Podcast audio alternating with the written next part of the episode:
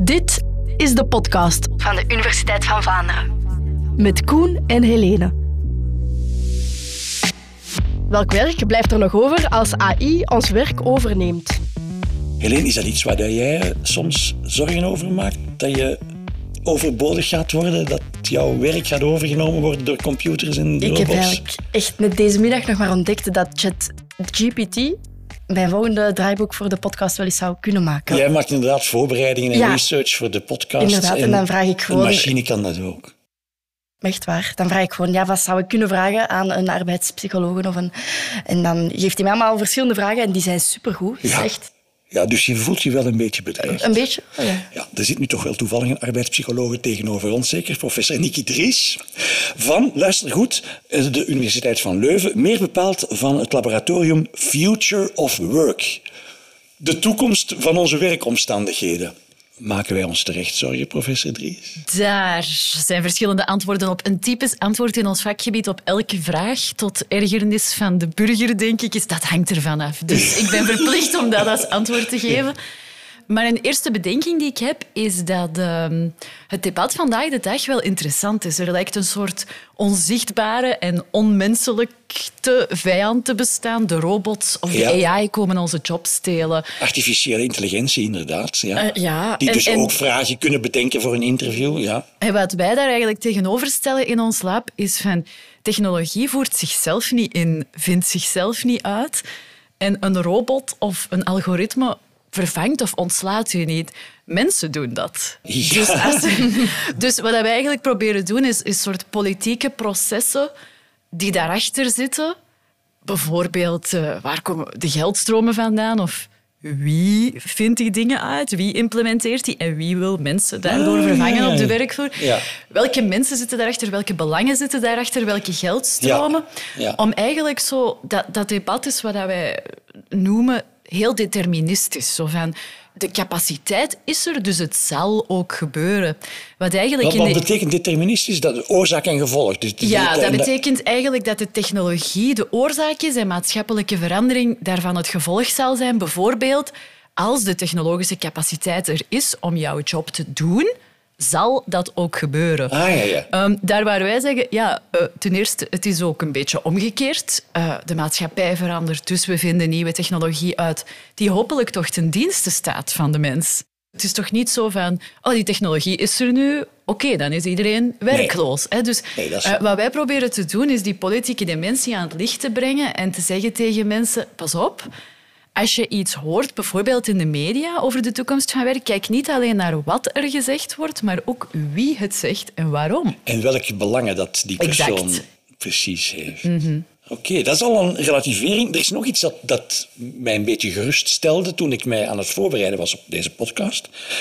Namelijk dat de vraag die we ons stellen, is onze job eh, bedreigd door technologische vooruitgang, dat dat een, geen nieuwe vraag is, maar een oude vraag die je door de geschiedenis geregeld ziet terugkomen. Dat klopt. Ik heb net, namelijk vannacht, eh, een paper afgemaakt over... ChatGTP kan dat ook hoor. Maar... Ja, dat vind ik toch niet. Nee. Allee, de, technologie eh, eh, evolueert exponentieel snel, dus misschien is het binnenkort beter. Maar voorlopig vind ik die antwoorden die dat maakt Ja, vrij vlak het eigenlijk. een. Vrij De basic. geschiedenis, ja. Is Ja. er inspiratie, Ja, inderdaad. maar dus inderdaad, dit, het argument van vroeger, hè, in de jaren 60 bijvoorbeeld, en in de jaren 80 was er ook heel veel technofobie. Hè. De computer ehm, kwam de werkplaats binnen. Daar is trouwens een hilarische aflevering over in Mad Men, als iemand die serie nog eh, Over kijkt. de reclamewereld. Hè, ja. Ja, over de invoering van de computer op de werkplek. Ehm, er zijn ook veel films over gemaakt in de jaren 60, 70, 80. Dus die technofobie of die angst van de robots komen ons ehm, vervangen of misschien zelfs vermoorden. Ehm, is, Ja. is gedeeltelijk van alle tijden. Trouwens, ehm, het woord robot ehm, is uitgevonden in de jaren 20 door een theaterschrijver, eh, Karel Čapek. En in dat eerste theaterstuk is er dus een fabriek die, die met robots begint te werken, die uiteindelijk... ehm allee, spoiler alert, eh, de, de mensen uitrooien. Niet alleen vervangen, maar ook gewoon Het is een griezelfilm, ja. Dus dat idee is van alle tijden, maar dat wordt dan gebruikt door mensen, eh, allee, actoren zouden wij zeggen, in het publieke debat om te zeggen het is toen niet gebeurd, dus het gaat nu ook niet gebeuren. Ah ja, dus de geruststelling die ik daardoor voel is... eh, Dat is een versie van wat er kan gebeuren. Dus de, eigenlijk het hele idee achter ons lab is dat de toekomst geen feit is, maar een fictie, noemen wij dat. En wij doen onderzoek naar verschillende verhalen in het publieke debat die gepusht worden door verschillende soorten mensen, vooral economen, tech-entrepreneurs en journalisten. Ja. Die hebben contrasterende verhalen over de toekomst van werk. Dus die economen die zeggen van dat gaat niet gebeuren, want dat is in de jaren 60 en 80 ook niet gebeurd. En die journalisten of boekauteurs, zoals Harari bijvoorbeeld, die zeggen van deze keer is het echt anders. Dit soort technologie is ongezien en dit keer gaat het wel echt gebeuren. En wat wij zeggen is, niemand heeft per se gelijk. Um, de vraag is welk verhaal wordt werkelijkheid omdat het verhaal de meeste volgers wint. Welk verhaal gaat zich vertalen in ah, collectief gedrag, reguleringen en beslissingen die gemaakt worden door politici, bedrijfsleiders en de mensen in Silicon Valley. Dus het is niet zozeer dat je de toekomst kan voorspellen, maar die voorspellingen zelf zijn eigenlijk verhalen. En het verhaal dat het populairst is op grote schaal gaat waar worden. Ik zou nog, nog even een verhaal uit het verleden, want u, u, u noemde daar de economen. Een beroemd verhaal uit het verleden is die heel beroemde en gerespecteerde econoom John Maynard Keynes. Wat heeft hij voorspeld? In, was het in de jaren 20 of de jaren 30? Dat wil ik nu kwijt zijn. Die heeft een voorspelling gemaakt eh, die rond deze tijd gerealiseerd zou moeten ja, Keynes zei dat we uh, eh, 100 jaar later, dus, dus dat is, alleen nu of, ja, of, of, eind, eind uh, eh, 20e eeuw, zei hij, zouden we allemaal 15 uur per week werken door de verhoogde technologische capaciteit om delen van ons werk, zeker de dingen die niet leuk zijn, of die routineus of gevaarlijk of vuil zijn, te automatiseren. 15 dus- uur per week, dat is drie, drie uur per dag. En voor de rest vrije tijd. Dus dat is duidelijk niet... Keynes, dat is niet duidelijk... best, nee, dat was echt tot-econoom. Inderdaad, hij was uh, een optimist. En die, ja, dus, dus ik, ik geloof dat zijn stuk uh, Economic Possibilities for Our Grandchildren heette ja, of zoiets in die tijd. Aan de luisteraar wil ik volhartig uh, het werk van David Graeber aanraden, die met zijn virale blogpost en daarna bestselling boek, hè, uh, Bullshit Jobs, um, ingaat op waarom de voorspelling van Keynes niet is uitgekomen. Nu, eh, daar moet ik wel bij zeggen dat Graeber een anarchistische, neo-marxistische, zeer linkse denker is. Dus dat is misschien niet iedereen zijn mhm. smaak. Ik vind hem, hem geweldig persoonlijk. Um, maar dus in zijn boek Bullshit Job zegt hij, Keynes had gelijk. Wij zouden nu 15 uur per week moeten werken. Maar veel werk dat wij doen is bullshit. En dat is um, in dienste van het kapitalisme. Het, het is nodig voor het kapitalisme dat er mensen, dat de mensen heel hard werken en dat ze het systeem niet in vraag stellen. En de mensen aan de top, die werken misschien niet zo hard, maar die hebben al het kapitaal. En de mensen in het midden willen doorgroeien naar de top. Dat zijn de mensen die hij vooral bullshit jobbers vindt. Dus hij heeft het vooral gemunt op managers, consultants, uh, marketingmensen. Hij zegt, die, die jobs zijn minder nuttig voor de maatschappij dan een vuilnisman. Maar waarom bestaan die? Om de basis, de bodem van de samenleving, de arbeiders, de loodgieters, de vuilnismannen die het echt nuttige werk doen, om die in, in het gareel te houden. Mhm. Dus, eh, maar dat is een heel specifiek. Dus hij zegt dat de voorspelling van Keynes niet is uitgekomen voor twee redenen. Ten eerste omdat Keynes niet had ingecalculeerd dat de menselijke nood aan consumptie evenredig constant zou blijven toenemen met de toegenomen productiviteit. In de jaren 20 à 30 hadden we bijvoorbeeld geen auto's. Nee, en, zeker geen twee per gezin. Nee, geen... televisies en ja, god, ja, dus... en geen stromend water. Misschien wel stromend water, maar geen, geen warm water in de badkamer. Ja. Tot nu toe is het altijd zo geweest. Ja, de productie wordt efficiënter en we kunnen sneller werken en we kunnen meer doen op minder uren. Maar toch blijven we evenveel of zelfs meer uren werken. Kijk maar naar de burn-out-epidemie. Waarom? Omdat die, dat de nieuwe producten en diensten die ontstaan eigenlijk altijd maar meer vraag creëren. Dus we leven in een consumptiemaatschappij. Ook weer, Graeber zegt, dat is de basis, een van de basisvoorwaarden voor het kapitalisme, is de ongebreidelde nood aan consumptie. Um, en de tweede reden is dat het inderdaad zo is dat um, automatisering tot nu toe uh, tot grotere winsten heeft geleid, maar dat die winsten niet zijn verdeeld naar de arbeiders uh, en de werknemers toe, maar dat, die, en dat er een grotere ongelijkheid is gekomen, althans volgens Graeber, waar je dus een bovenklasse krijgt van miljardairs die eigenlijk echte voordelen plukken van ehm, de toegenomen productiviteit door de technologie die Keynes voorspelde. Wat u daar straks vertelde over de verschil in uh, inschatting die economen maken, u, u noemde ook journalisten, ik voel me aangesproken. Welke positie neemt u daarin? Hè? Want u werkt voor het Future of Work Lab. Ja, jullie moeten toch een soort van prognose maken van die future of work. Nee, ja, dat weiger ik dus te doen. Ja, maar uh, wordt, u daar niet voor betaald? Om een positie in te nemen? Ja. Dan moeten we even een, een podcast doen over de rol van de wetenschap. Ja, um, ik denk dat veel mensen willen dat wetenschappers neutraal zijn. Ik denk zelf, zelf wel dat dat onmogelijk is.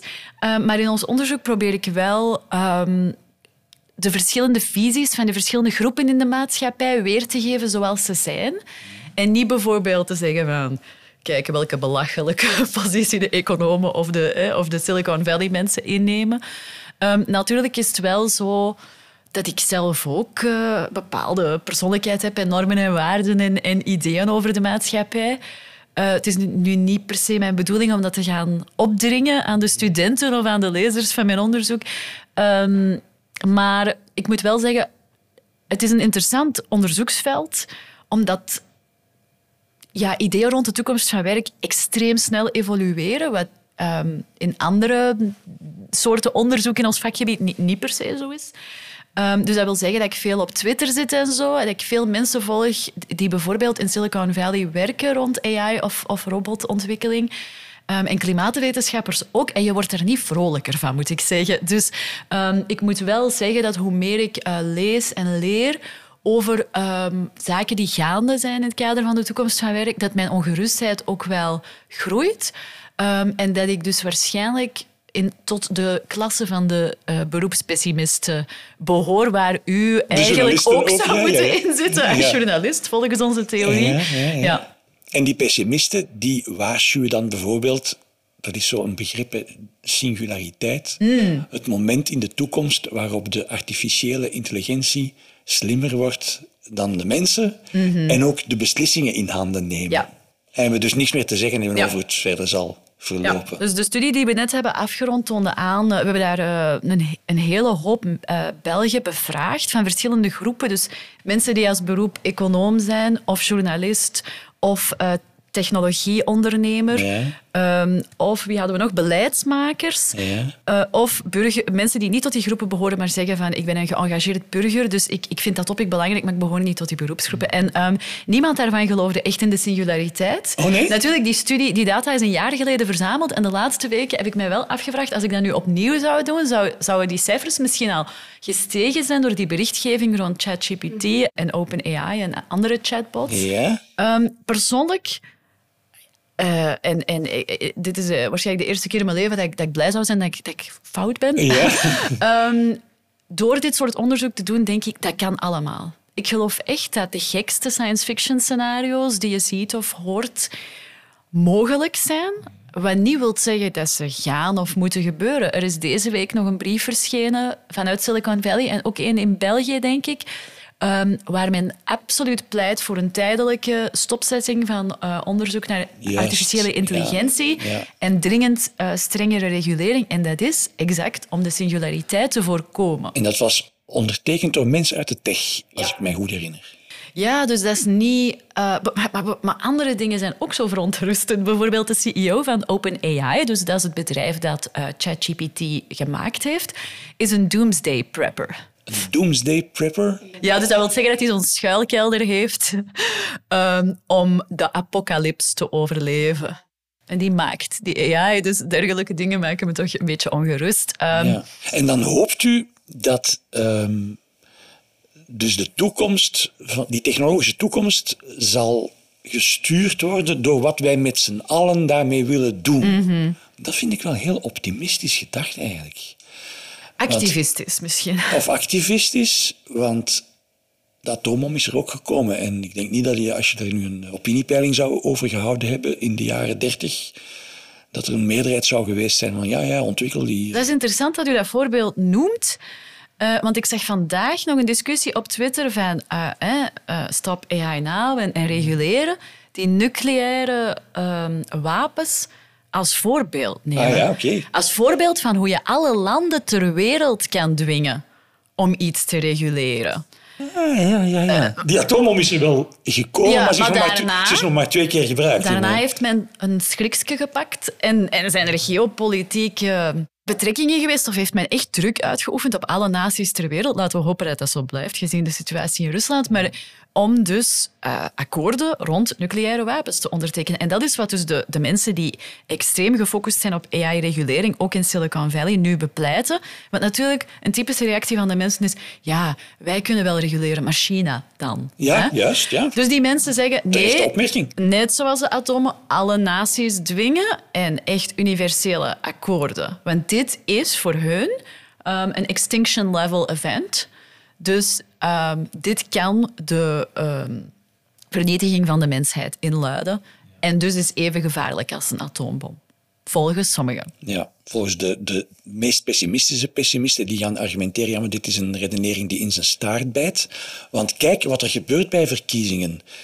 Daar wordt mee geknoeid. Dankzij technologie is het, werkt de democratie niet meer. Kijk wat er gebeurt, eh, zelfs in de Verenigde Staten, hoe de Rusland en China invloed uitoefenen op democratische processen. Ik speel nu de echte de pessimistische pessimisten. En daarmee bedoelt u dat, dat er dus veel machten zijn die regulering zullen tegenwerken? Of- Dankzij die technologie zelfs. Ja, dat klopt. En dat die, Ik ben dan ook de- een de- pessimist. en de- ah, ja, ja, dat de wapens die ze ter beschikking hebben altijd maar Hmm. sterker en intelligenter en dichter naar die singu- Maar singulariteit. natuurlijk, ehm, we moeten het onderscheid maken tussen democratieën en niet-democratieën. Dus, dus wat ik zeg is, in een democratische samenleving moet er inspraak zijn van de bevolking over grote maatschappelijke veranderingen. En ik raad echt iedereen aan om eens dus de, de, de grootste namen in Silicon Valley te volgen op Twitter en zich af te vragen of je in hun wereld wil leven. De wereld die zij ontwerpen voor ons. En dan denk ik, we leven in een democratische samenleving. Bijvoorbeeld, ik denk dat mensen de capaciteit tot collectieve actie en wat wij noemen weerstand, resistance, eh, ook met dank aan mijn held David Graeber, eh, noemen. Ehm, dus ehm, bevoor- bijvoorbeeld, als we naar de geschiedenis kijken, de vakbonden zijn ontstaan als reactie op de industriële revolutie in het verleden. Want toen dachten ook de kapitaalhouders, we gaan dat hier eens mooi doorduwen.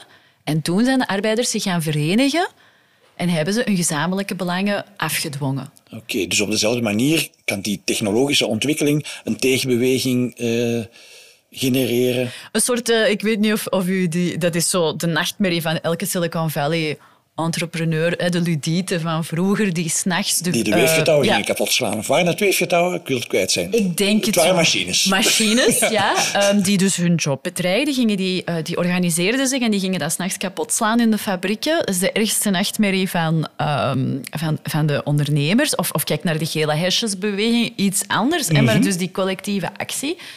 En dus er zijn nu bewegingen aan het ontstaan die zichzelf de neoludieten noemen. Ik blijf tegengas geven. Hè. En die, Tuurlijk, mensen, die, mensen van, die mensen van die tegenbewegingen die zitten op Twitter. En die gebruiken een telefoon. En die gebruiken die technologie. En die willen die ook gebruiken.